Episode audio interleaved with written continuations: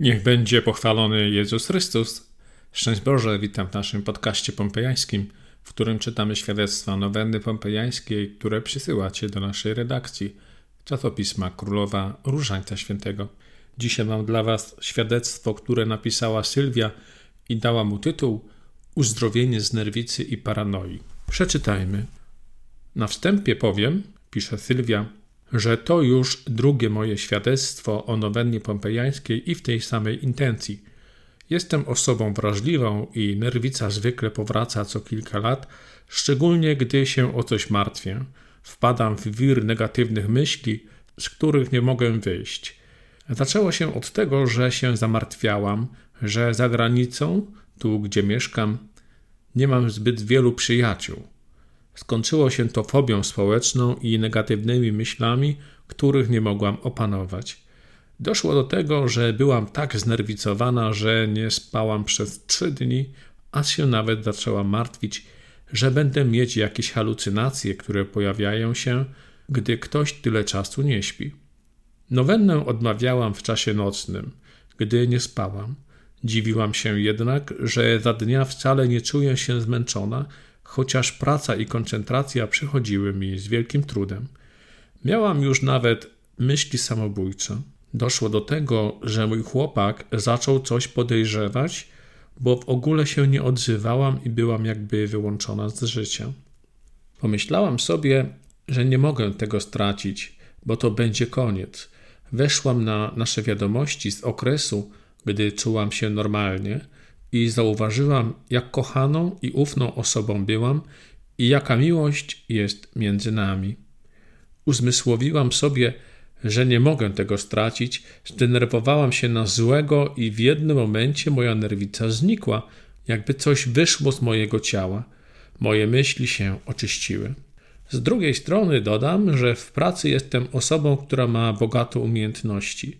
Niedawno zatrudniona została nowa dziewczyna, którą uważałam za trochę mniej oświeconą, ponieważ od roku zawsze robiła te same błędy. Często ją krytykowałam. Podczas mojej nerwicy zaczęłam ją bardziej rozumieć, bo moja koncentracja spadła i nawet nowa koleżanka pracowała lepiej ode mnie. Myślę, że to też była nauczka na przyszłość od Maryi. Teraz rozumiem, jak czuje się koleżanka i będę bardziej wyrozumiała dla jej wysiłków. Proszę, pisze Sylwia, nie poddawajcie się i kontynuujcie nowennę, chociaż wszystko się wam będzie walić. Zły tylko czeka, a nagroda dla wytrwałych jest wielka.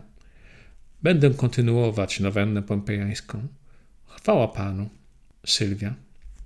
Dziękujemy Ci, Sylwio, za te motywujące słowa. Tak, to prawda Módlmy się ufnie, mimo trudności. Nie zwlekajmy z podjęciem się nowenny pompejańskiej, jeśli się zastanawiamy nad tym, a mamy intencję. A kiedy już się modlimy, kontynuujmy ją dzień po dniu cierpliwie i zawsze poświęcając ten czas na modlitwę.